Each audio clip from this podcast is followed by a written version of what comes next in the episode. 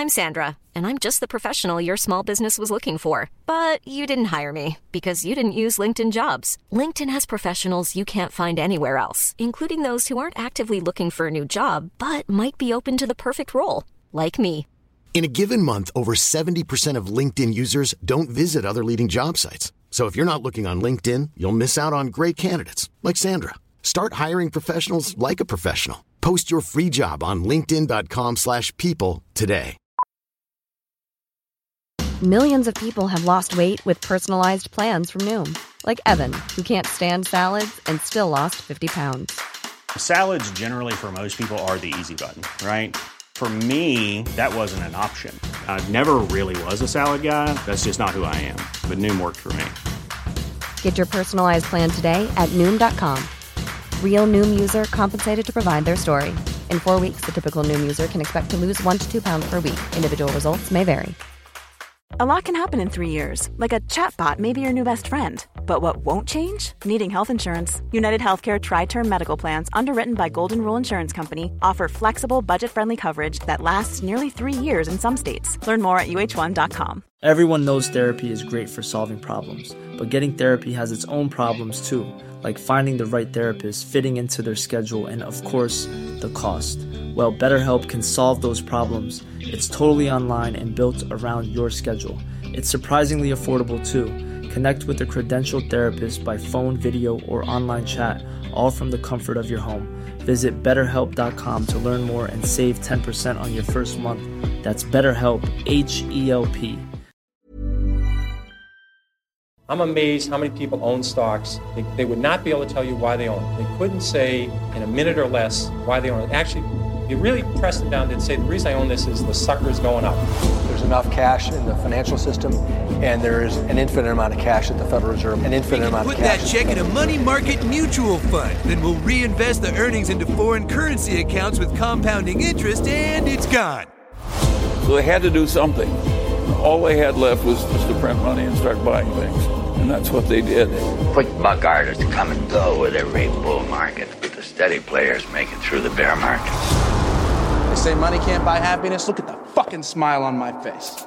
Hej och välkommen till ett nytt avsnitt av Market Makers. Mitt i, för egen del är det flyttkaos och för din del Fabian har jag hört att det är semester lite efter alla andra. Men det är för att du bor ute i Europa också. Ja, det är lite försenad semester här. Jag tar tiden här i augusti och eh, hoppas att allting låter bra. Jag är med med micken som vanligt, men jag har inget stativ. Så det blir att man får försöka sätta upp micken i någon okej okay höjd i alla fall. Men den sitter lite lägre ner än vad den brukar göra.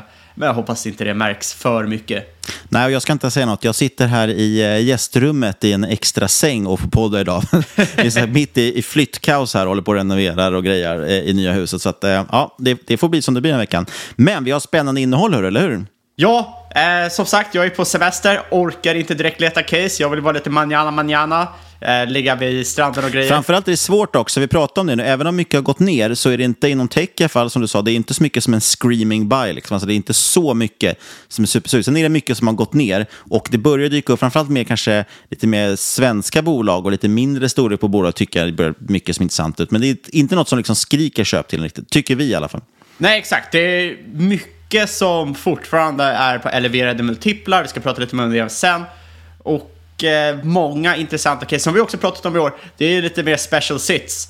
Eh, det är speciella situationer och som gör att bolagen kanske är lite attraktiva just nu. Det är saker som händer i bakgrunden som gör att de till exempel, till exempel kan få igång tillväxt eller de kanske är för eh, lågt värderade. Men det är egentligen inte det vi ska prata om idag, för jag tänkte att eh, Eh, jag bland annat och många andra har haft rejäla drawdowns i år. Eh, och jag framförallt senaste so eh, så under sommaren har haft rätt många drawdowns i många av mina innehav. Framförallt för att case inte riktigt har spelat ut sig som jag trott eller har velat. Men ändå så har min portfölj gått helt okej. Okay. Jag är faktiskt plus i år, vilket jag vet att många andra kanske inte är. Och jag vet faktiskt inte riktigt om jag är värd att vara plus i år, men det är så det är. Så jag tänkte vi ska prata lite i det här avsnittet om risk management, lite om positionering, hur man sizer upp bet och liknande för att eh, minska risken att, eh, minska risk of ruin helt enkelt som det är nog rätt viktigt just nu i sådana här tider. Ja, och det där har vi pratat mycket om tidigare, att en stor del, för, för att bli långsiktigt framgångsrik handlar det väldigt mycket om att överleva för att få med imorgon igen. Det är en av anledningarna till exempel att man ska undvika stor hävstång, eftersom det är lätt att bli liksom wipa kontot på, på en, en ganska liten rörelse. Eh, så det där handlar ju mycket om, en stor del av framgången ligger i risk management, för det är ju så som vi har sagt tusen gånger förut, att all, inga investerare har rätt i alla case, snarare tvärtom. Eh, man kan ha ganska många fel under överlevelse om man hanterar sin risk på ett bra sätt och hanterar portföljhantering egentligen också. Så det tror jag är jätteintressant och jättenödvändigt, speciellt nu när som sagt börsen har varit väldigt sur. Jag tror att många kan behöva en sån liten genomgång och hur vi tänker kring det. Och framförallt så har ju senaste åren handlat mycket om hur man hittar case. Man eh, kollar efter företag med moats och management och liksom pricing power och de ska vara värderade till X eller till Y. Men det är ju bara en väldigt liten del egentligen av vad du bör tänka på när du köper ett case. Eh, det är lite som att säga att det enda du bör bry dig om i till exempel Formel 1 är bilen. Men du måste ju också ta hänsyn till att när ska du bromsa i kurvor? Är det sent eller tidigt in i kurvan? Och liknande saker för att inte köra in i väggen eller köra av. Eh, så, så det är lite av den delen vi tänkte prata om. För allt det andra har vi haft väldigt många gäster som avhandlat och vi vill inte ta upp det igen, så vi tänkte gå in lite mer på sånt som kanske inte pratas lika mycket om, men som är minst lika, om inte mer eh, viktigt att tänka på. Ja, och som vanligt ska vi också köra igång med veckans topp tre, eller veckans tre snabba här. Men som vanligt ska vi först påminna om att det inte är någon rådgivande rekommendation. Vi berättar om vår process, hur vi tänker, gör alltid din egen analys och glöm aldrig att alla investeringar är förknippade med risk. Ja, och vi gör som vanligt veckans trade tillsammans med Robomarket som är den europeiska multi-asset-mäklaren med över 12 000 instrument som du kan handla på deras plattform. Det finns CFDs på aktier, ETF, index, råvaror, valutor, givetvis krypto också. Och dessutom kan man handla på valutakonto så man undviker onödiga växlingsavgifter. Robomarkets har lokal närvaro samt kundsupport på svenska. Man är reglerade av tyska Finansinspektionen och framförallt har man otroligt attraktiva villkor med låga courtage och tajta spreadar. Tillsammans med RoboMarkets kommer vi varje vecka lyfta någon intressant investerings eller tradingidé som du kan utforska vidare på deras plattform. Ja, och den här veckan så är det en solklar intressant trade här och det är såklart att titta på amerikanska indexet S&P 500 som är upp nu cirka 15 procent sedan botten i mitten på juni. Det har ju varit ett riktigt bear market rally och det är så i en bear market, alltså nedåtgående marknad, så brukar vi ha väldigt stora studsar som ofta pågår längre och blir högre än vad man tror. Eh, när börsen är översåld, alla är väldigt väldigt liksom negativa, ja, då kan börsen dra iväg riktigt hårt och snabbt. Så det är en volatil marknad, väldigt kul förstås för de som tycker om att trada den. Och som vi sa i förra avsnittet fanns det 25-procentiga rallys under både 2001 och 2008 i de krascherna. Eh, även där många trodde på undergång. Så S&P 500 kan vara riktigt intressant att titta på och handla för den som är aktiv. Ja, för det är ju så att fundamentan ser fortfarande otroligt bearish ut, trots att CPI verkar ha pikat i USA. Eh, Fed vill fortsätta hålla tight policy till 2023. Eh, quantitative tightening har ju nyss börjat och kommer dubblas i september. Och eh, när man kikar tillbaka här så har ju ökning slash minskning i Feds balansräkning korrelerat otroligt väl med börsens utveckling ända sedan 2008. Och framförallt så kör ju många centralbankers tightening in i en ekonomisk eh, stagnation, vilket är lite eh, tvärtom mot det vad man faktiskt skulle vilja göra. Och det är för att inte nämna att värdering allmänt fortfarande är höga och björnmarknader tenderar att sluta med låga och inte höga värderingar. Och dessutom har inte VIX något så kallat paniknivåer än.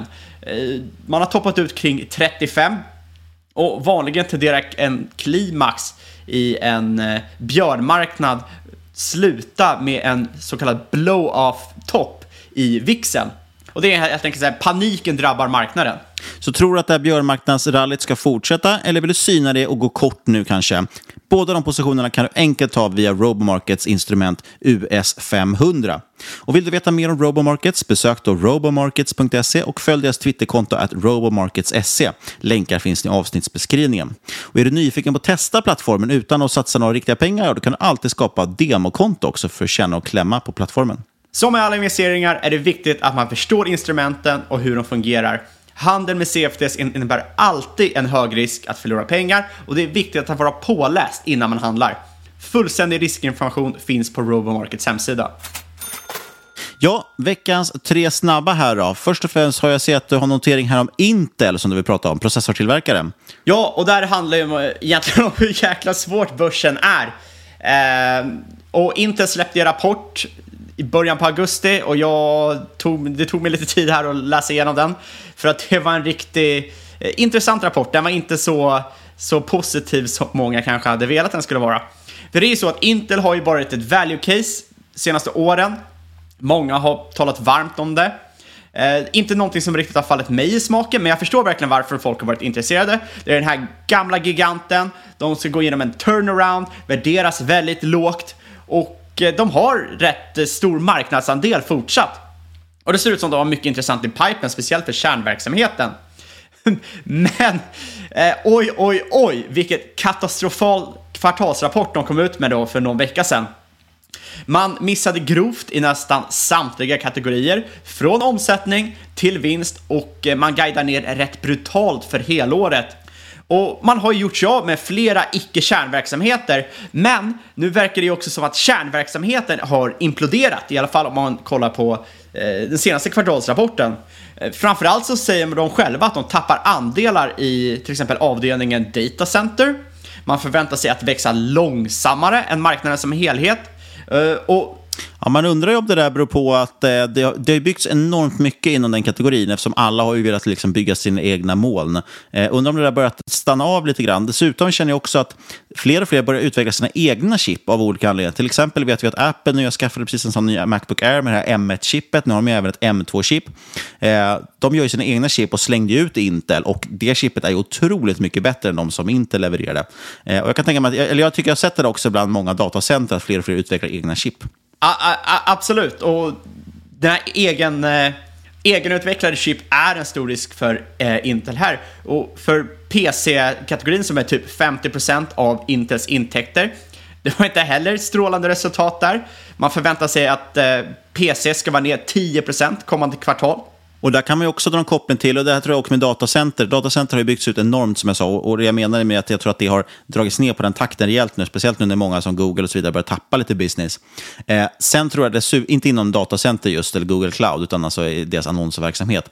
Eh, Sen kan jag tänka mig samma med PC, där, att det har ju varit stört omöjligt att nästan få tag på datorer de senaste typ två åren, sen corona. Eh, och folk när de har anställt har haft svårt att få tag på datorer till sina anställda. Och där kan jag tänka mig också just att man har ju då blivit en sån här vad heter det, en demand shock liksom, som har drivits på och, och, dragit upp siffrorna för de här bolagen. Och nu plötsligt sitter folk på för mycket datorer helt plötsligt istället för att man har liksom förbeställt för att ta höjd. 100 procent. Och den här branschen är ju otroligt cyklisk. Men det som är intressant här är att man har ju sett riktigt dåliga resultat. Och vi har inte ens kommit in i en riktig recession än. I alla fall enligt eh, jag menar, många analytiker och det är väl konsensus att vi inte är i en recession än i alla fall. Men jag tycker det är intressant att ta hänsyn till här att Intel har ju de senaste åren handlats mellan 10 till 12 gånger earnings. Och de själva förväntar sig nu 2,30 dollar earnings per share för året. Och då kan man ju rätt, lätt räkna ut här att ja, har du 10 gånger 2,30, det rimmar ju, eller 12 gånger 2,30, det rimmar ju inte med nuvarande aktiekursen som står i 35 dollar.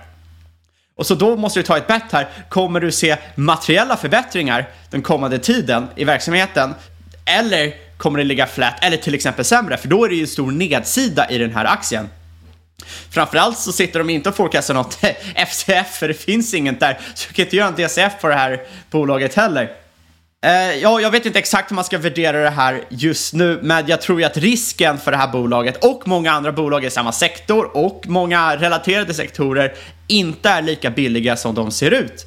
Och eh, inte tycker jag är såklart case på att börsen inte är så lätt som det ser ut. Att eh, värdera bolag är ofta mycket svårare än man tror. Ja, framförallt är det intressant också, det är kanske en liten kanariefågel i gruvan som man säger. Alltså det är ett tydligt tecken som är intressant här att följa just det här bolaget som många har trott eh, inte kan liksom gå ner, har faktiskt gått ner. Och sagt, det beror på väldigt många anledningar. Jag tror ett begrepp man verkligen, det var ju eh, Michael Burry va, som skrev, det här, som är känd från The Big Short, eh, men den riktiga då Michael Burry förstås, som den baseras på. Eh, han gick ut här för, det var några månader sedan, han pratade om att ett begrepp alla borde googla nu och kolla upp, det är ju det här med eh, bullwhip. Exakt. Och det är ju så otroligt intressant. Eh, för det det handlar om egentligen är ju att, okej, okay, om, om vi tar det här med toapapper till exempel, som folk bunkrade under corona om många konsumenter går till affären och köper till exempel toapapper, då får affärerna slut på det ganska fort, för de har ju precis så mycket som de förväntar sig sälja, plus lite så att det ska se fullt ut på hyllan. Men om de helt plötsligt börjar sälja mer av det, så att det börjar ta slut, då lägger de stora ordrar till sin leverantör för att kunna leverera det. Leverantörerna helt plötsligt, shit, vi har ju slut, vi, vi kan inte leverera toapapper i, i, i rätt takt. Så de säger åt sina, de som säljer liksom insatsvarorna, i alla fall pappersmassa, då, att vi måste ha mycket, mycket mer pappersmassa. Och då får du en sån bullwhip, alltså det blir som en, en ökande efterfrågan. I varje steg så liksom drivs efterfrågan på ytterligare.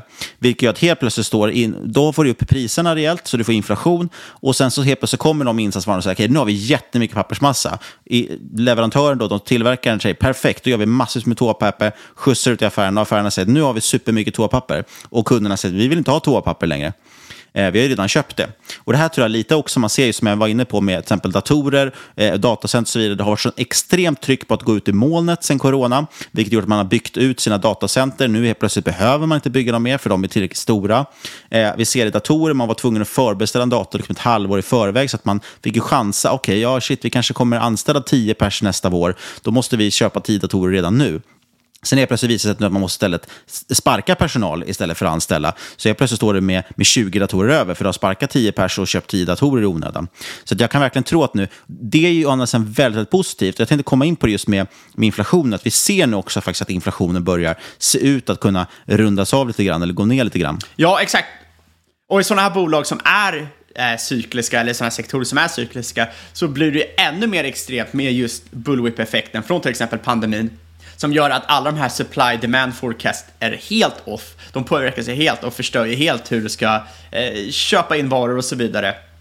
Och, kolla på till exempel Nvidia nu, de har ju så kallat pre-annonsat att de kommer komma med ett kastkvartal. Framförallt i gaming som är ner över 30 procent. Eh, och det här är ju en mix av till exempel krypto som helt har kraschat. Ja, och det ska man tillägga att krypto räknas ju in i deras gaming, för de säger ju gaming för de säljer grafikkort. Men grafikkorten används ju sen till att mina krypto. Det är ju en av det som gjort att det varit så svårt att få tag på grafikkort senaste åren. Exakt. Eh, men då om man bara, inte vet jag, jag vet att det är många som kanske är lite lata när de forecastar revenues och liknande. Då drar man ju bara ut linjärt Eh, det finns ju vissa bankanalytiker som gör så och så vidare. Och då, eh, ja, då åker du på sådana här smällar när Ja, till exempel krypto fallerar, du har den här hangover från pandemin där folk har förbeställt som du pratar om. Och så kanske du väntar på en ny generation som kanske kommer ut eh, eh om ett litet tag. Och helt plötsligt så imploderar ju försäljningen. Ja, jag, jag tycker det är otroligt intressant och man kan an, an, antagligen tro att den här bullwhip-effekten påverkar inte bara halvledare, påverkar rätt många eh, industrier. Ja, och det här är verkligen någonting man måste fundera över nu. Jag tyckte dock var lite intressant. Det är väldigt stor skillnad här mellan bolagen dock, märker man. Till exempel om vi tar nu Microsoft, då, eh, eh, som vi pratade lite om datacenter och cloud och så. De jobbar ju mycket mindre mot retail än vad många av de här bolagen vi nämner nu gör ändå. De släppte ju rapport slutet på juli, eh, där istället omsättningen var upp 12 procent för kvartalet, 16 procent om man justerar för valuta generellt, även deras CPS var upp. Det var mycket svagare än vad de brukar ha tillväxt, vanlig tillväxten, men det var fortfarande tillväxt där. Och det tror jag är för att det här business to business är mycket mer sticky och så har ju de också mycket SAS. Eh, så jag tror verkligen att, eh, återigen den här klyschan, att det är stockpickersmark. Man måste fundera lite på vad är det för typ av bolag? Hur påverkas mitt företag av till exempel att efterfrågan ändras? Jag har sett mycket case som pitchas nu på Twitter som eh, ser jätteintressant ut, för det har hänt så mycket senaste halvåret i bolaget, att de ser ut att göra en stor resa nu. Och sen börjar man sakta men säkert se att, att okay, men fast hur mycket är egentligen den här coronaeffekt? Inte coronaeffekt som vi hade 2020, utan snarare det som kom efter, nu när pandemin är över och det kommer ut. Eh, och hur mycket av det här kommer påverkas av inflationen. Och då är det många case som är plötsligt, ja, de, de har nog haft ett halvår nu, eh, guldhalvår, liksom, där det gått riktigt bra. Men det kanske inte kommer fortsätta framåt, utan det var liksom en, en one-off. Så det är svårt. Men sagt, intressant just med inflationen där, för att det har ju verkligen börjat komma ner nu igen ändå. Eh, många har säkert noterat när de tankar bilen kanske. Vi har ju eh, oljepriset är långt ner under 100 dollar fatet nu igen. Eh, och bränslet, jag vet att 95 som jag tankar ibland när jag inte kör el, eh, ligger under eh, 20 kronor igen. Och helt plötsligt tycker man det är billigt. Det kostar inte över 1000 kronor att tanka bilen längre, så tycker man att det är superbilligt. eh, det är liksom det som är bra annars med inflation. Det är snabb anchoring som man säger, att man ganska fort tänker oj, eh, nu ska bensinen kosta 30 kronor liten och då är det plötsligt 20 kronor billigt tycker man. Fast det för bara ett år sedan var väldigt dyrt. Men då såg jag också att eh, FN var ute och kommenterade. Det var Niklas Andersson som, retweetade, eller som tweetade det här. FN säger att matpriserna nu är nere på den lägsta nivån sedan början av året. Och Det är också ganska lovande. Mycket matpriser gick upp väldigt mycket på grund av Ryssland och Ukraina eh, och kriget där, eh, i och med att båda de två är stora veteproducenter. Sen har inte det här nått svenska butiker än. Snarare har ju liksom svenska butiker nu verkligen börjat höja. Eh, Systembolaget har gått ut och sagt att de ska höja nu i månadsskiftet också, massa priser. Eh, men det här kommer förhoppningsvis vända ner igen. Kanske inte med vinerna tyvärr, men matpriser kommer börja vända ner igen och det ser ut som det nu. Nedgången är den skarpaste man har sett sedan 2008, skriver Dagens Industri. Eh, och sen såg jag också att Elon Musk twittrade nyligen här att nu är det fler av råvarupriserna de använder som, är, som trendar ner än upp. Och det är också väldigt skönt. Väldigt mycket av råvarorna helt enkelt trendar nu neråt eh, och det här borde förhoppningsvis påverka även inflationssiffrorna lite positiv, po positivt på sikt. Eh, men det är just det här att många har verkligen, eftersom det har varit svårt att få tag på saker på grund av liksom logistikproblemen som uppstått i corona, så har det blivit så att folk har liksom eh, det har inte funnits grejer för att folk har också väldigt, lagt mycket, väldigt mycket ordrar i förväg eh, för att se till att de ska ha produkter. Och sen helt plötsligt nu så behövs inte produkterna för att efterfrågan har gått ner väldigt mycket och folk har fått sina grejer. Och helt plötsligt då om man fortsätter överproducera för att försöka möta den här nya efterfrågan och så finns inte efterfrågan kvar, ja då får du ju en, en rejäl nedgång i priser. Och sagt, det är den här bullwhip-effekten. Det finns väldigt, väldigt intressant att se det i, i realtid. Så att säga. Exakt, och det är jättesvårt att säga om vad som kommer hända framöver och det är kanske inte ens värt att lägga eh, så mycket liksom, ta tanke det. Men rent historiskt så tenderar ju till exempel inflation eh, och energipriser och liknande. Det är ju otroligt volatilt. Eh, och det är som börsen. Eh, det är ju väldigt dumt att tro att någonting ska, jag menar först bara gå upp och sen går det ner och så är det tillbaka. Eller bara gå upp och vara kvar där. Det all, allt det här är väldigt volatilt. Det är mycket bättre att tänka av, åt vilket håll trendar det snarare än kolla på absoluta nivåer här, tror jag personligen. Eh, det är väl så jag försöker eh, hantera det här. För att om inflationen är hög eller låg, det kommer ju påverka eh, olika case. Så det gäller ju att försöka hitta något spann där, om man ska säga. Men ja, med det sagt kanske vi ska gå in på dagens case, höll jag på att säga. Men det är ju inte ett case. Vi ska prata lite om Eh, drawdowns, eh, positionering, risk management. Eh, och eh, det här är såklart eh, utifrån våra egna perspektiv. Det är många som kommer ha olika åsikter. Eh, risk management är ju faktiskt väldigt svårt att diskutera eftersom det betyder väldigt olika saker för väldigt många olika människor.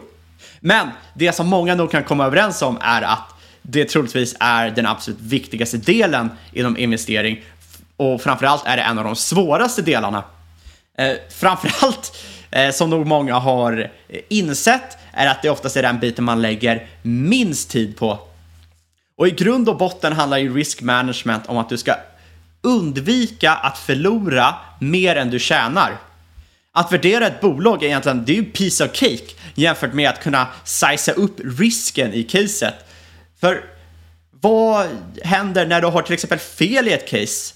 Vad är nedsidesrisken där och vad kan hända då med dina pengar? Det är den du måste hålla koll på. Det gäller inte bara att hålla koll på uppsidan. Vad är potentialen här? Det är såklart mycket roligare, men det är oftast där band faller och det slutar med att man förlorar på tok för mycket pengar. Men innan vi hoppar in på just risk management-biten så tycker jag det är viktigt att förstå hur man kan bygga upp en trade eller hur jag till exempel bygger upp en tes kring ett bolag. Och det första handlar ju helt enkelt om att hitta ett case.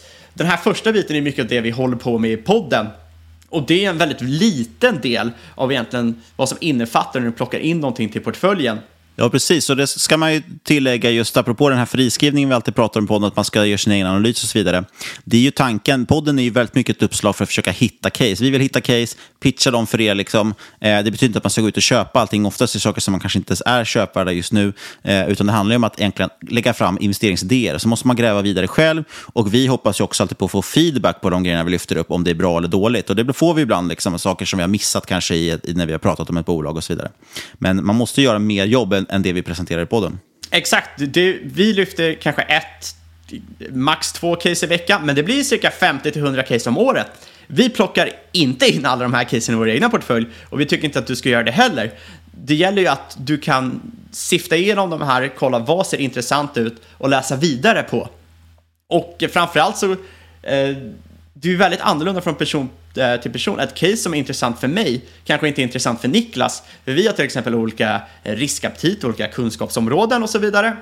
Som gör att vi kommer förstå ett case på olika sätt. Det går inte heller att hitta 50 till 100 riktigt bra investeringsidéer varje år. Men däremot går det liksom, det blir ju ett snarare ett sätt att, lyssnar man på den så blir det ett sätt att följa vad vi kollar på just nu. Eh, och så får man intressanta inspel och vissa saker är superintressanta just nu. Vissa grejer kan man lägga på bevakningslistan och ta senare fram. Eller vissa saker känner man att ah, det här är inte alls min typ av grej. Ja, framförallt tycker jag att eh, det bästa sättet att lära sig är att gräva i så mycket olika case som möjligt. Det är så du blir en bättre analytiker det fanns en studie, jag tror det var från Stanford, men jag är inte säker. Och där satte man upp eh, två grupper. En grupp skulle, och jag tror att det var i, ah, vad heter det på svenska, pottery. Alltså man gör krukor och grejer. Eh, jag har för mig att det var det. Dreja. Dreja. Det var någonting artistiskt, jag är inte så artistisk av mig som ni vet. Men en grupp skulle fokusera all sin tid, och det var väl några veckor på att göra, det kan inte vara dreja, det måste vara något annat, någonting artistiskt, måla eller vad på att göra en jätte, jättefin grej. Medans eh, den andra gruppen skulle göra så många som möjligt som nådde en så här good enough-nivå. Och eh, efter de här veckorna så såg man att den gruppen som producerade fler objekt, men de var good enough, hade slipat i alla kategorier sin eh, kunskap och erfarenhet, sin, sin skill helt enkelt, och var alltså bättre eh, artistiskt än de som hade fokuserat på att göra en bättre eh, produktion men bara hade fokuserat på en enda grej. Ja, men jag tror det på det här mycket generellt. Att jobba med kvantitet och, och, och köra väldigt mycket, liksom, det ger eh, väldigt mycket längden. Ja, du, nu, drar, nu drar vi ifrån här, men jag, jag håller 100% med dig. Eh, men det första i alla fall handlar ju om hur du hittar en case.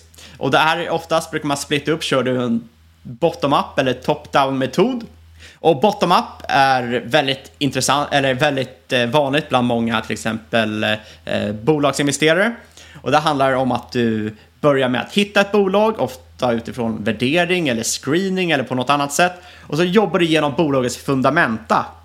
Och jag är snarare en så kallad top-down investerare.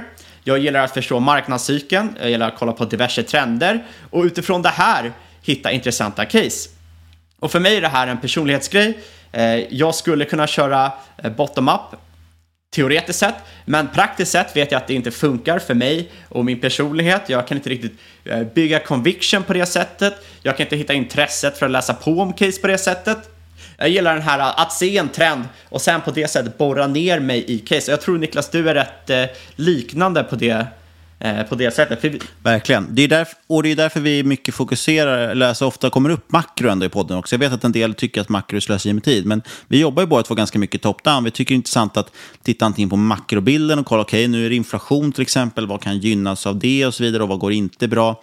Eh, vi låter ju det guida mycket. Sen jobbar vi också väldigt mycket top-down, att vi pratar makro, alltså större trender i, i sektorer. Vi har haft mycket sådana avsnitt, vi pratar, ja, men förra veckan till exempel körde vi ett avsnitt bara om, om solenergi, liksom. och då försöker vi titta på marknaden marknaden en helhet. Hur ser den ut? Hur ser den, är den intressant överlag? Vad händer i den marknaden? Och därifrån sen vaskar ni, okej, okay, vad finns det för case då? Och i det fallet till exempel uttryck från ETF och hittade tre stycken bolag som vi var intressanta.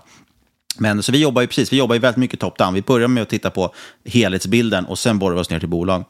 Exakt, eller nu kanske moln eh, kommer bli allt större i eh, samhället eller i SAS-bolag och så vidare.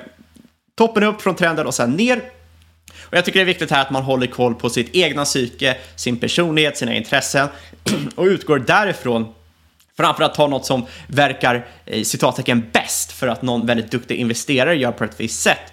Eh, det är lite som på gymmet. När jag började gymma för tio år sedan, då, var det, då ansågs det vara optimalt med eh, en viss typ av träningsschema, man skulle köra knäböj varje dag och så vidare. Men jag tyckte inte det här var så jättekul och vad ledde det här till? Jo, det ledde ju till halvdan effort på gymmet. Jag liksom gjorde inte så mycket som jag kanske borde göra. Och det innebar ju att resultatet var ju sämre avkastning.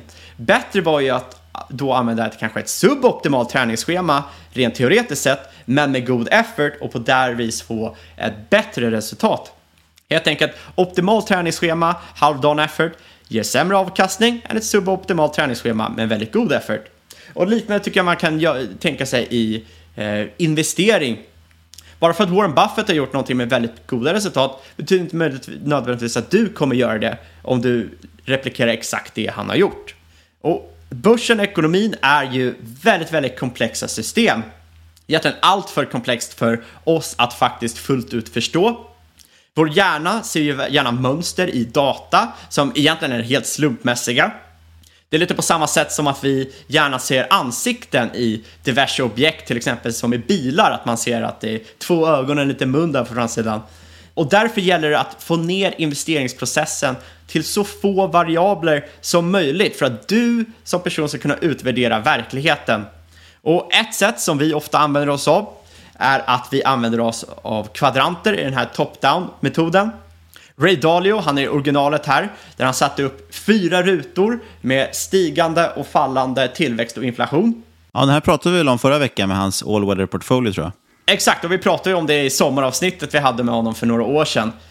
Eh, och sätter man upp det här och förstår ungefär vart man är eh, i de här kvadranterna och vart man befinner sig i den här miljön, så förstår man ungefär 70% av makrobilden. Och för de flesta är det här good enough. Och då kan man ju ställa sig frågan, varför kollar vi på det här? Ja, får jag bara stanna upp två sekunder och, och förklara lite, för nu avbröt jag mitt i när du förklarar hur kvadranten är uppbyggda. Och det kan vara svårt när man inte ser den bilden framför sig. Vi var inne också på det här förra veckan, att vi pratade om vilka sektorer som har gått bra och dåligt i de olika scenarierna. Det är vissa som trackar, till exempel Hedgeye kan man kolla på och googla på deras kvadranter. Eller quads som de säger. Eh, men som du säger, man tittar ju alltså på inflation, om den går upp eller ner. Eh, och sen kollar man även på ekonomisk aktivitet, eller oftast brukar det vara BNP, då, alltså bruttonationalprodukten, om den är plus eller minus. Och då kan du ju ha, om du har inflation, positiv inflation, alltså du har inflation och du har stigande BNP, då har du ju liksom en, det brukar vara ett väldigt bra scenario, då, då går ju allting upp i princip och det kan vara intressant att äga vissa typer av aktier och så vidare. Eh, sen kan du ju ha en, en situation där BNP går upp, men du har deflation, det är det vi har sett senaste åren väldigt mycket, och då har det oftast varit just tillväxtbolag, eh, liksom bolag med, med stora värden i framtiden eh, som, som brukar vara intressant. Sen kan du förstås ha det som vi har nu, att du har inflation eh, och nedåtgående BNP. Det är väldigt ovanligt, men då blir det liksom stagflation. Och sen kan du även ha det vanliga. Den vanliga typen av recession det är att du har deflation och minskade BNP. Det brukar ju vara det vanliga i recession, men nu har vi stagflation där det är faktiskt inflationen på väg uppåt också. Det är nästan det absolut sämsta scenariot. Exakt, och varför kollar vi på det här då? då? För att de här cyklerna det påverkar bolagen vi vill investera i. Eh, dels så påverkar det ju värderingsbilden som vi har pratat om senaste året. Eh, något som ser okej okay, värderat ut i en miljö ser plötsligt hiskligt dyrt ut i en annan. Och dels så förklarar det ju också till exempel intjäningsförmåga och marginaler i diverse case. Har man ett case som till exempel är känslig för att konsumenters betalningsförmåga minskar så kommer antagligen bolagets eh, förmåga att tjäna pengar också minska när konsumentens plånbok minskar. Och om till exempel kostnad för varor ökar, ja då kan ju det innebära att liksom, marginalerna för ett case minskar och så vidare. Så därför tycker jag att det är väldigt det är väldigt viktigt för min egna conviction i ett case att hålla någorlunda koll på vart man är, eller framförallt vart man inte är. Jag tror till exempel att det är mycket högre sannolikhet att vi är kvar i en inflatorisk miljö eh, som det är nu än att vi går tillbaka till den miljön som var i 2020 till exempel. Det är inte omöjligt, men om jag måste satsa på någon av dem så tror jag att eh, den här miljön är en större sannolikhet. Och det här är såklart inget måste inom investering att hålla koll på så att här, du kan dra ner till ännu mindre variabler, bara kolla på bolag. Eh, och det är många som gör det. Men för mig hjälper det att bygga förståelse och conviction i de bolagen jag investerar i. Och framförallt hjälper det mig att utvärdera bolagen. Och såklart är ju verkligheten mer komplex än de här kvadranterna med eh, beskrev och som Niklas gick in på. Men de här frameworksen, väldigt, väldigt eh, hjälpsamt att förstå hur saker fungerar och att vara adaptiv i hur du tänker, i hur du investerar gör att du också kan vara mycket säkrare i dina case. Du slipper långa eh, un, liksom perioder av underprestation. Förhoppningsvis, det är aldrig en garanti. Eh, och jag ska punktera där att det här handlar inte så mycket om forecasting, inte så mycket om att försöka förutsäga vart vi kommer vara, utan mer att förstå om miljön just nu. Om det här ändras, eh, X eller Y, så påverkas mitt bolag så här. Och eh, så är man förberedd på det. Man får alltså mindre negativa överraskningar med andra ord. Och oftast märker man ju ändå det här i ganska god tid, att vi har ju sett inflation ett bra tag, liksom, och vi har sett att det varit en eh, negativ BNP på väg ett tag, liksom, så att, eh, eller avmattad eh, ekonomi. Eh, och då, då har man ju haft ganska god tid att ställa om till det också. Och då kommer det som en mindre chock kanske, om man håller ändå lite koll på de här sakerna.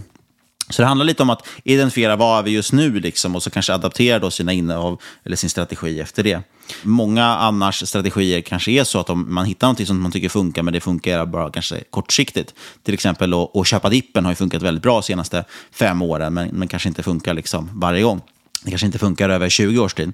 Och det är inte ovanligt att du ser investerare, och inte nödvändigtvis traders, utan long-only-investerare som har ett sätt att handla och utvärdera bolag på eh, under en viss marknadsregim eller en viss tid.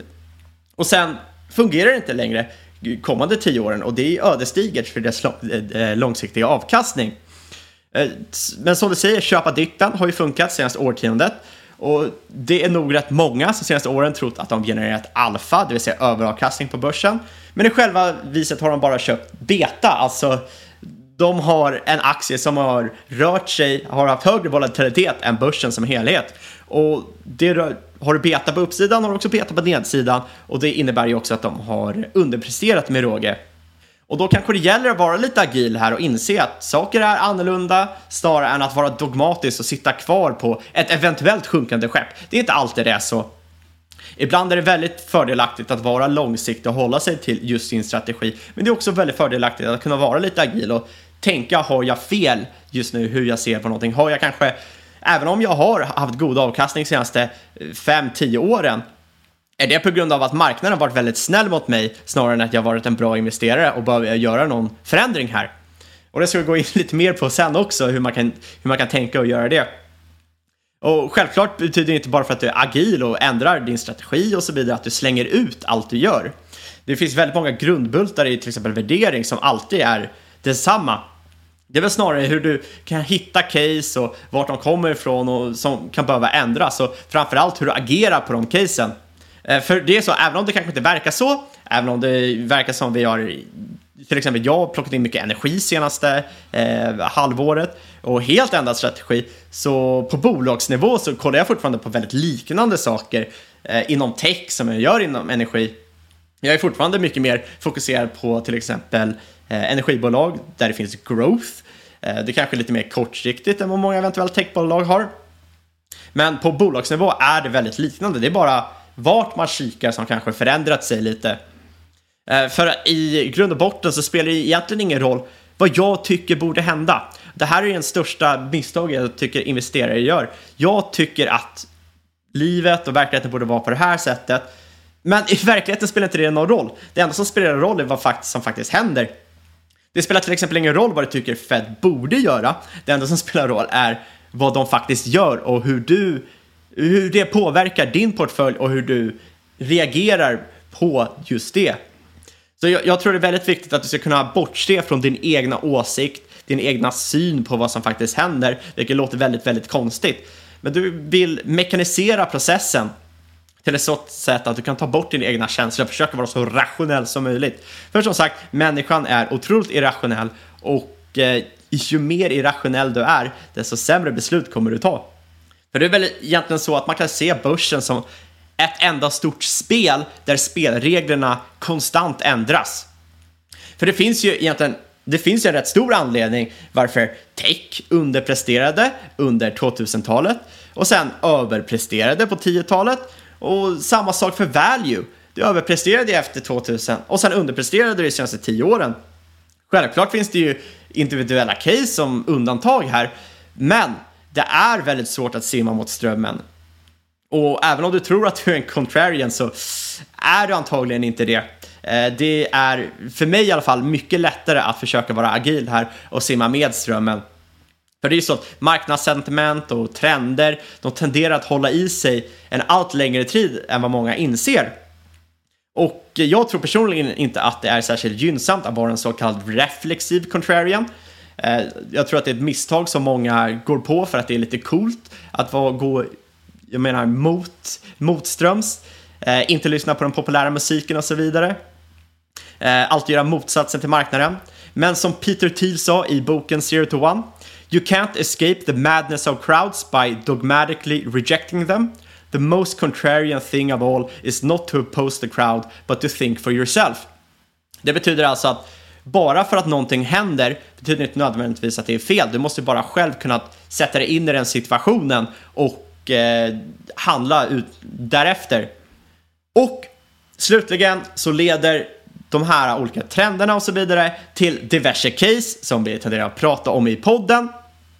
Och där lyfter vi till, till exempel upp liksom vad, varför caset är intressant, lite olika nyckeltal och så vidare. Det tycker inte jag vi ska gå in på nu, för ni har antagligen lyssnat på tidigare avsnitt. Ni vet vad vi brukar snacka om. Men det som jag tycker är otroligt intressant, är inte intressant, utan viktigt att som du ska göra som investerare, är att du försöker komma fram till en tes kring caset. Och det är så lätt som att till exempel ta en eh, elevator pitch. Det här borde hända för bolaget. Eh, varför du ska köpa bolaget. Vad caset har för medvind. Eh, vad som kan gå emot dig i caset, alltså vad riskerna är. Eh, försöka formulera någon typ av uppsida i caset och formulera någon typ av nedsida. Vad har jag att förlora i det här caset? Eh, hålla koll på innan du går in hur du ska skala in det i caset, hur du ska skala ut det i caset, hur stor din position ska vara, inte bara eh, ta det med en handviftning utan faktiskt ha tänkt ut det i förhand. Och framförallt när du ska sälja. Och sen utvärdera det här under resans gång. Eh, dessutom tycker jag om, eh, och det här är rätt nyligen jag la till det här i min egna process och det är egentligen att tänka, är det här en payback if eller en payback when case? Och jag kommer inte ihåg vem det var som sa det, det var ingenting jag kom på själv, så smart är jag inte. Men i stort sett handlar det om att payback when, det är en kanske lite mer lägre riskinvestering, men det är där din avkastning, eh, du, du, kan i stort sett räkna på att ah, om 8, 9, 10 år så kommer den här eh, investeringen vara avbetald och tillbaka. Medan payback if är ju snarare om det här händer, då får jag min uppsida. Och ett sånt här case har ju givetvis en mycket högre risk och därmed kanske du borde positionera dig ut därefter. Kanske ta mindre eh, storlekar på sådana här typer av case än till exempel en payback when. Framförallt så är det ju mycket brus i huvudet du har väldigt lätt att tänka fel, vara väldigt snäll mot dig själv, utvärderingar och så. Eh, det är väldigt svårt att ta rätt beslut när det verkligen behövs. Och jag tror att du ska inte tro att du kan få ihop en plan och exekvera på den utan att skriva ner planen först. För det är så, forskning, det visar faktiskt att om du skriver ner ett mål är det större sannolikhet att du når dit eftersom planen då blir mer konkret. Det är inte längre abstrakt. Det är till exempel om du har eh, en plan för att sälja, när du ska sälja ett case, eller om det här eller det här eller det här händer, då säljer jag. Om du bara har det i huvudet så kan du lätt inte agera på det även om det här kommer. För att eh, du vill ge management lite mer tid eller eh, det har gått ner så mycket, jag kanske bara ska köpa lite mer just nu. Skriv ner det innan, håll dig till den och bryt inte mot den. Lättare sagt än gjort såklart, men eh, otroligt viktigt att du skriver ner allting. För Eh, det här hjälper dig också att utvärdera din process versus ditt utfall. Och många, inklusive jag, eh, överskattar ofta sin kompetens jämfört med slumpmässigheten i marknaden. Och det är egentligen rätt ödesdigert. Det, det här handlar alltså om att du investerar, du får bra avkastning, du tror att det är en kung. Eh, jag har varit där många gånger. Eh, och egentligen är det ju bara slumpmässigt. Du har haft tur, plockat in ett case som har stigit. Oftast är det för att marknaden som helhet stiger. Eh, Fed pumpar ut likviditet och grejer. Det här är ju klassiska, vi pratar om allt, man ska ju utvärdera process, inte utfallet. Det vill säga, gör du någonting om och om, och om igen så ska det över tid ge positivt resultat. Eh, man kan inte ut, utvärdera efter varje enskilt utfall, för det kan ha tur. Jag vet att du drog något sånt, det kanske inte är du som har kommit på det exemplet, men jag tycker fortfarande det är ganska roligt. Det är att man kan ju springa över motorvägen, alltså du kan ju korsa E4 genom att springa rakt över den. Eh, och du kanske överlever, du kommer över till andra sidan. Men processen, var den verkligen bra eller hade du bara tur med utfallet? Ja, du hade nog tur som kom över till andra sidan utan att bli påkörd. Eh, gör du det hundra gånger däremot, då kommer du märka att du eh, inte klarar över i, i majoriteten av fallen. Nej, det snodde jag faktiskt från boken Thinking in Bets av pokerspelaren Annie Duke. Och det passar väldigt bra att du tar upp det här, för jag tänkte att vi ska prata lite om poker. För jag tycker egentligen att man det är väldigt, väldigt rimligt att se hela börsen på samma sätt som man spelar poker. Allt handlar egentligen om att ta kalkylerade bets. Och egentligen handlar ju hela livet om att ta kalkylerade bets om man vill bli filosofisk, men jag tycker vi håller oss till börsen nu. Om du kollar på poker till exempel, säg att du har 2S, din motståndare har en 9 och en 5 och eh, det som ligger på bordet är bara skit. Han går all in och eh, sannolikheten här att du vinner när du har 2S är otroligt hög. Sannolikheten att han vinner är otroligt lika, så du kollar ju det här. Men i floppen, alltså när de lägger fram mer kort på borden, så dras det en 9, en 9 och en 5 ovanpå hans tidigare 9 och en 5. Resultatet här är ju att din motståndare får en full house och du torskar. En bra pokerspelare i den här situationen vet att han har gjort rätt. Han vet att han har gjort ett rationellt val. I över 99 av 100 fall skulle han gå ut som en vinnare. Och det här visar ju på att processen är viktigare än utfallet. Men en dålig pokerspelare, han blir arg på resultatet. För han tar inte hänsyn till processen versus utfallet. Han fokuserar helt på utfallet, att han har förlorat i den här situationen. Och det här är något som Annie Duke kallar för resulting. Men precis, och det är det här vi menar, att man kommer göra sådana här misstag. För även om man gör rätt process så kan du ha otur. Det kan vara, visa sig vara någonting som, som händer som du inte visste om och inte kunde ta hänsyn till i process. Och när de sakerna händer, då gäller det också heller inte att, att springa sig. Om du verkligen gick all in på det bettet till exempel, ja, då hade du kanske otur och så får du inte spela nästa runda. Det handlar ju om att få göra alla, spela nästa runda också. Eh, för då kommer det till slut då visa sig att du har rätt varje gång det här sker, om du gör rätt, har rätt process varje gång. Men det här kanske också leder oss in lite på, på den här delen med risk management, eller? Absolut, och jag vill bara säga det här, för det du sa var otroligt bra.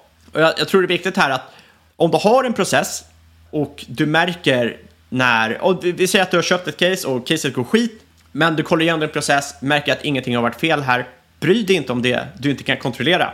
Shrug it off and move on. Fortsätt. Och inser du att någonting har varit fel i din process, du har missat kritisk information som i efterhand varit väldigt självklar, och så vidare. Lär dig av det och gå vidare. Eh, men liksom, sitt inte kvar där och gräm dig över dina misstag. Det är en otroligt eh, bitter situation som eh, eventuellt kan förstöra kommande case för dig. Det, eller att du börjar handla fel och så vidare, påverkar ditt psykologi, eh, du blir tiltad och så vidare. Lämna det åt sidan. Och på samma sätt som vi ska lämna det åt sidan så går vi in lite mer på risk management som enligt mig utgörs av två variabler, eller utgörs väl av hur många variabler som helst, men framförallt två variabler. Det är sannolikheten att ens tes är korrekt samt positionsstorlek. Och de här två är givetvis korrelerade. Inom poker så tenderar bra spelare att vänta in händer där de har en statistisk edge och när den möjligheten inträffar så bettar de stort. Ja, men precis. Sitter man, får man skitkort så är det ingen idé att gå all in. Men har du de där två S till exempel, där du har extremt stor chans att vinna, då kan du just betta. Det här är det Buffett pratar om. Han säger ju att skillnad från baseball så behöver en investerare inte slå på varje boll. I baseball måste du försöka slå varje boll, hur dålig den än är. Men i investeringar så kan du faktiskt också bara sitta på händerna. Och det är tyvärr också det svåraste. Jag, jag, jag, jag, jag vill ju säga där att det han säger är ju i likhet med baseball. För att som gammal baseballspelare vill jag ju faktiskt säga att man inte behöver slå på eh, varje boll. Förlåt, som, jag har aldrig sett en baseballmatch. Jag fick för mig att det var tvärtom. ja, men helt rätt. Man behöver inte slå på varje boll. Exakt. Och det ska man inte heller göra. Och, och, för nu ska vi rappa på lite saker så inte det här avsnittet blir för långt. Men det andra som en bra pokerspelare också gör, det är att de lägger sig snabbt om de inser att de sitter på en svag hand. Och jag tycker personligen att man bör tänka likadant inom investering. Satsa stort på bra bett, annars är det väldigt svårt att avkasta långsiktigt. Och släpp förlorare snabbt. Det här är en anledning varför jag till exempel tycker att det kan vara irrationellt att lika vikta sin portfölj. Eh, alltså att alla innehav har samma storlek. För två bets lär ha olika risk-reward. Och är det då rimligt att de har samma viktning i portföljen? Inte enligt mig. Det är såklart eh, smaken som baken, men inte enligt mig. Ja, jag gillar ju lika viktat ganska mycket ändå. Ja, och Men det finns så olika skolor där. olika skolor. För mig, eh, jag tycker att det kanske är lite brist i kanske analysarbetet eller i processen. Ja, av just den anledningen att hitrate är inte 100%. Så om du likaviktar allting så bör väl det rimligtvis över tid leda till underavkastning. Och det är ju också, nu har vi pratat lite om att friskriva oss med vår disclaimer och liknande, men det är ju också därför vi säger att du alltid ska göra din egen analys. För utan att göra din egen analys och ha din egna tes kring ett case så kommer du aldrig kunna överavkasta. För även om vi hade 100% eh, hitrate, vilket vi inte har och de bästa investerarna inte har. Jag menar, många av de bästa investerarna har kanske en 50% hitrate, många har kanske en 30% hitrate och det har med positionering att göra. Men framförallt, hade vi haft en 100% hitrate teoretiskt så hade det ändå aldrig överavkastat om du köpt samma sak som oss. Varför då? För att avkastning är inte linjär, den är lumpy som Warren Buffett säger. Det innebär att det finns flertalet drawdowns på vägen dit och flertalet underavkastningar på vägen till eh, liksom the golden pot at the end of the rainbow. Och det är det här som är liksom, eh, en stor fara om du bara blint följer eh, människor. Du kommer göra misstag på vägen, du kommer sälja ur dig och även det här klockrena caset kommer du gå miste om. Det andra som sagt, som en bra pokerspelare gör och även en bra investerare gör, är att släppa förlorare snabbt. Antingen när du inser att du har brist i din process, när du får fel eller någonting ändras i caset eller din tes. Jag är rätt brutal här. Eh, jag har fått kritik på Twitter att jag agerar väldigt ängsligt. Eh, att jag till exempel en månad kan ha några case och några månader senare inte ha kvar några av de casen. Och eh, det är för att jag ser en väldigt stor anledning att kunna sälja direkt med en handvändning. Eh, kill your darlings som man säger. Jag skriver alltid upp det här, det här, det här. Gift inte med dina innehav som man brukar säga. För det är det som är grejen, som du säger, att det finns väldigt framgångsrika investerare som har till exempel så låg som till exempel 30% hitrate. Och då undrar man hur kan man tjäna pengar om man bara har rätt i en tredjedel av fallen? Och det handlar just om det, att när man väl har fel, då, då märker man det snabbt och kapar det caset fort så man minimerar förlusten. Och när man väl har rätt i då en tredjedel av fallen, ja då rider man dem länge också. Det brukar så, så strategin ser ut och då brukar det bli väldigt bra trots att du inte har rätt i ens en tredjedel av fallen. Exakt. Och en annan sak jag gör också är when in doubt, get the hell out. Och det här hjälper mig verkligen att ta... Det är viktigt att de rimmar de här äh, liksom, mottorna, för annars, annars funkar de inte. Det är lättare att komma ihåg också, vilket är rätt, eh, rätt användbart. Men det här hjälper i alla fall mig och jag vet många andra att ta beslut i lugn och ro. Eh, och undvika emotionella beslut. Jag menar, om du har ett case som har halverats på en dag, eh, som jag nyligen har haft, och du sitter kvar där och försöker, då är det väldigt ofta du kan vilja rättfärdiga det som har hänt och kanske dubbla din position. Eh, och det är inget fel i sig om du har den mentala förmågan att göra det. Men för många kan det vara bra att helt åsidosätta det här caset, antingen att sälja och sen tänka, sälja och sen komma tillbaka till caset lite senare och så vidare. Det där vet jag är ett typiskt eh, eh, trick som några av våra gäster har tagit upp genom historien. Att man, man ska tänka varje dag egentligen om sin portfölj. Skulle jag köpa de här sakerna idag? För det är väldigt stor skillnad. Yes. När man ser, när man har depån så är det ganska svårt att sälja det. Eh, men om man hade sålt det och verkligen gör det, eh, skulle jag ha köpt tillbaka det. Eh, och det är väldigt olika om man faktiskt äger eller inte äger om man skulle ha köpt det igen. Uh, 100 procent, och det är väl någonting jag försöker göra. Jag... Eh... Tyvärr blir det väldigt dyrt med courtage om man ska köpa och sälja det varje dag.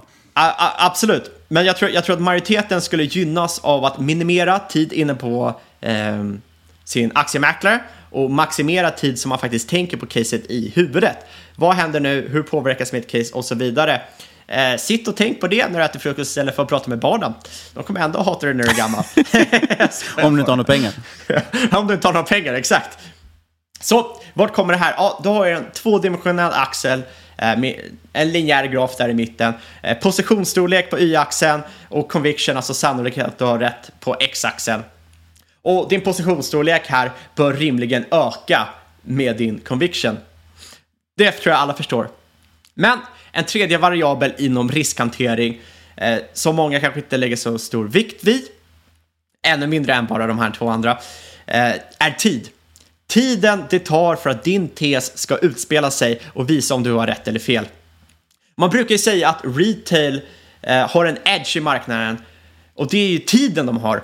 Vi kan bortse från nuvarande kvartal eh, eller år i utbyte mot långsiktig överavkastning eftersom avkastningen inte är linjär utan den är lumpy som sagt. Men det här är liksom lite av ett tvåeggat svärd. För det många missar här är att det finns opportunity cost i varje case du äger. För när du spelar poker har du ju en begränsad mängd chip. Du kan inte satsa på varje hand. Då är du ute väldigt, väldigt snabbt. Och samma gäller ju ditt kapital på börsen. Du kan inte binda upp dig Eh, en obegränsad tid i alla, alla case och hoppas på att din tes ska spela ut sig. Ju mer tid som passerar, desto större blir alternativkostnaden och framförallt möjligheten att saker kan inträffa som förändrar din tes eller ditt case och ofta tenderar de här, det här att vara negativt. Eh, framförallt så tenderar det att vara mer negativt än positivt i majoriteten av fallen. Du kan ha en sjukt bra tes, men över tid förändras saker som leder till att du till slut har fel. Och därför borde man ta hänsyn till den här tidsaspekten och det borde påverka dels din conviction och dels din positionsstorlek. Och slutligen, vad leder det här till? Jo, det som vi pratade om i början. Det som du måste göra är avoid risk of ruin, alltså du vill inte spränga portföljen. Gå alltid in med en plan hur du ska agera, även hur du ska agera när okända variabler dyker upp. Som vi pratade, eh, when in doubt, get the hell out. Det är en väldigt förenklad eh, sätt för mig att lösa många av mina problem på. Du vill aldrig investera emotionellt. Det är eh, katastrofalt, brukar leda till väldigt stora förluster. Det finns ett citat som heter “When in trouble, double” eh, och det handlar ju om att irrationellt snitta ner sig eh, när man har, eh, när, när ens case går ner på börsen eh, och det brukar leda till ökade förluster. Undvik detta. Försök agera så rationellt som möjligt. Och sen tycker jag att man också ska, och det här har med att logga in på sin aktiemäklare att göra, glöm inte att investeringar inte ska vara kul. Du ska inte få samma känsla som när du spelar på slots eller jag menar, spelar Super Smash eller vad som helst. Det är inte gambling. I grund och botten är det här arbete. Det kan vara intressant. Du kan bli uppfylld av att göra det. Men i slutändan ska du se börsen och investeringar eller trading som arbete och inte en aktivitet som du gör för att ha kul. Profits over fun, alltså lönsamhet över att ha kul alla dagar i veckan. Trading och investering handlar mycket om en inaktivitet. Att vänta in rätt läge och det här är mycket lättare sagt än gjort. Det är väldigt, väldigt eh, man vill jättegärna hoppa på alla bollar som ges. Man ser någonting som går upp. Eh, caset verkar väldigt snabbt, eh, väldigt intressant när du kollar på det snabbt. Men försök undvika att vara för aktiv, för aktivitet dödar lönsamhet. Jag kan garantera dig att alla investerare som har hållit på ett tag kommer hålla med mig om det. Jag har sagt, det är väldigt, väldigt svårt. Vi som människor är byggda för att jaga. Börsen är ekorren, du är hunden, du vill bara springa efter ekorren.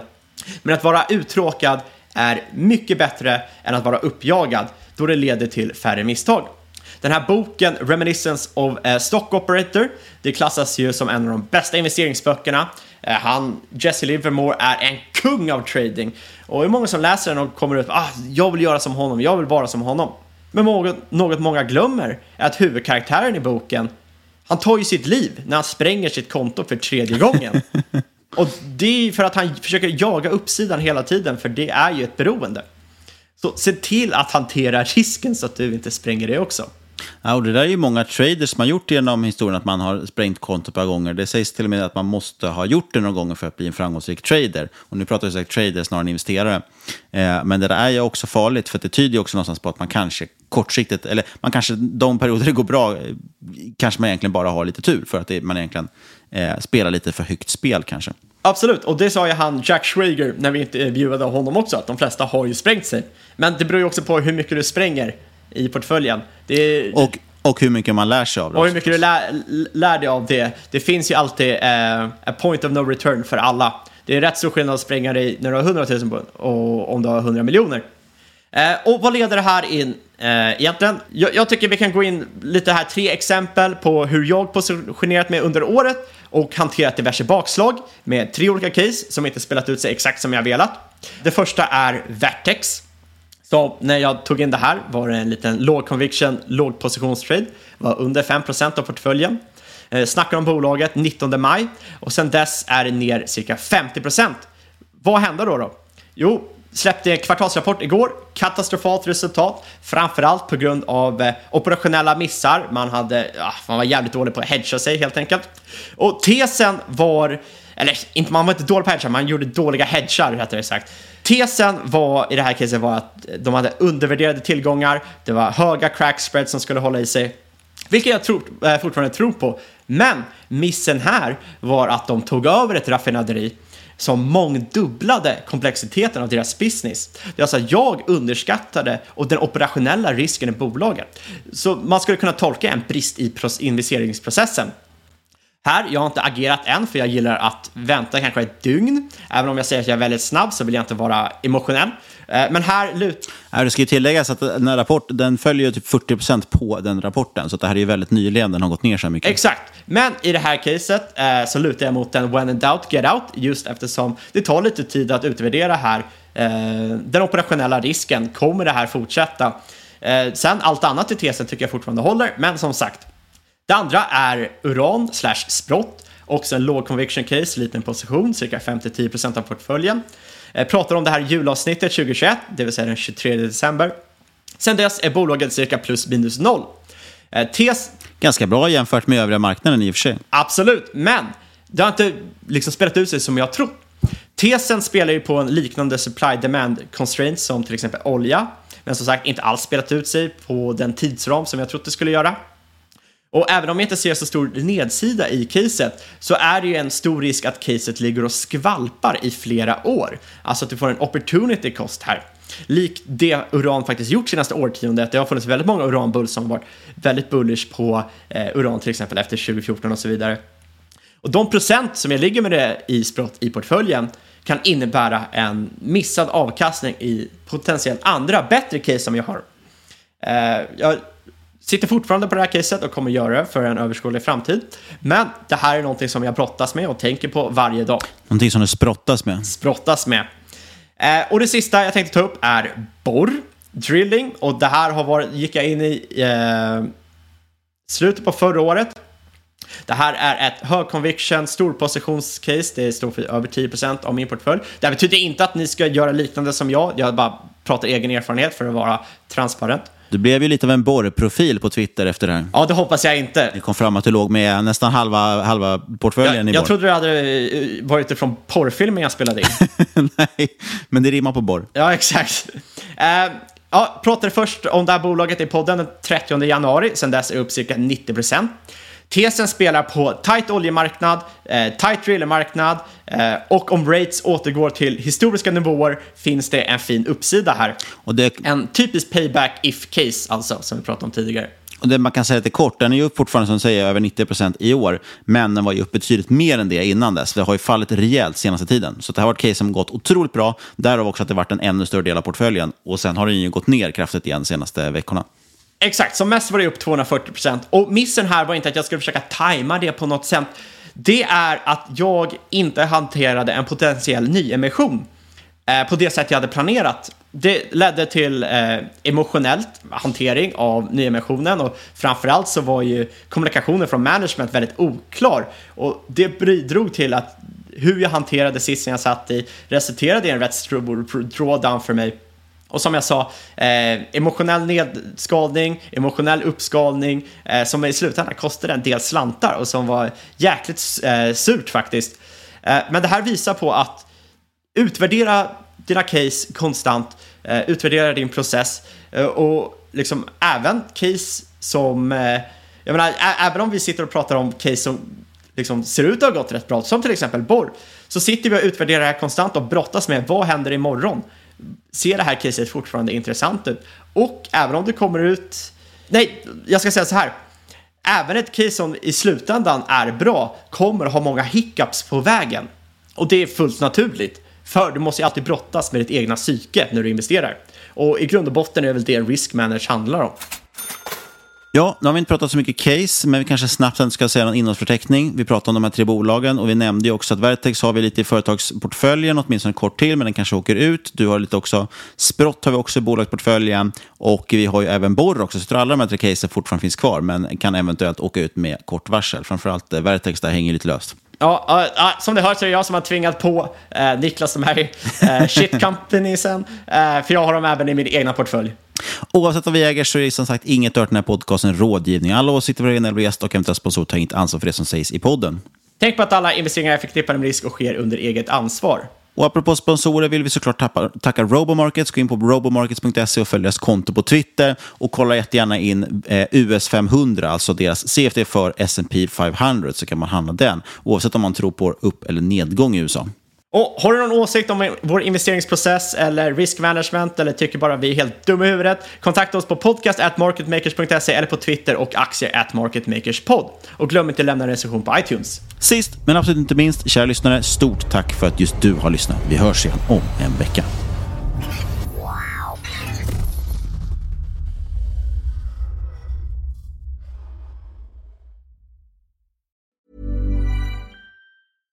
Small details are big surfaces. Tight corners are odd shapes.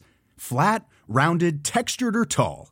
Whatever your next project, there's a spray paint pattern that's just right. Because Rust new Custom Spray 5 in 1 gives you control with five different spray patterns. So you can tackle nooks, crannies, edges, and curves without worrying about drips, runs, uneven coverage, or anything else. Custom Spray 5 in 1 only from Rust-Oleum. Mom deserves the best, and there's no better place to shop for Mother's Day than Whole Foods Market. They're your destination for unbeatable savings, from premium gifts to show-stopping flowers and irresistible desserts. Start by saving 33% with Prime on all body care and candles. Then get a 15-stem bunch of tulips for just $9.99 each with Prime. Round out Mom's menu with festive rosé, irresistible berry chantilly cake, and more special treats. Come celebrate Mother's Day at Whole Foods Market. Planning for your next trip? Elevate your travel style with Quince. Quince has all the jet setting essentials you'll want for your next getaway, like European linen, premium luggage options, buttery soft Italian leather bags, and so much more. And it's all priced at 50 to 80% less than similar brands. Plus, Quince only works with factories that use safe and ethical manufacturing practices. Pack your bags with high-quality essentials you'll be wearing for vacations to come with Quince. Go to quince.com slash trip for free shipping and 365-day returns.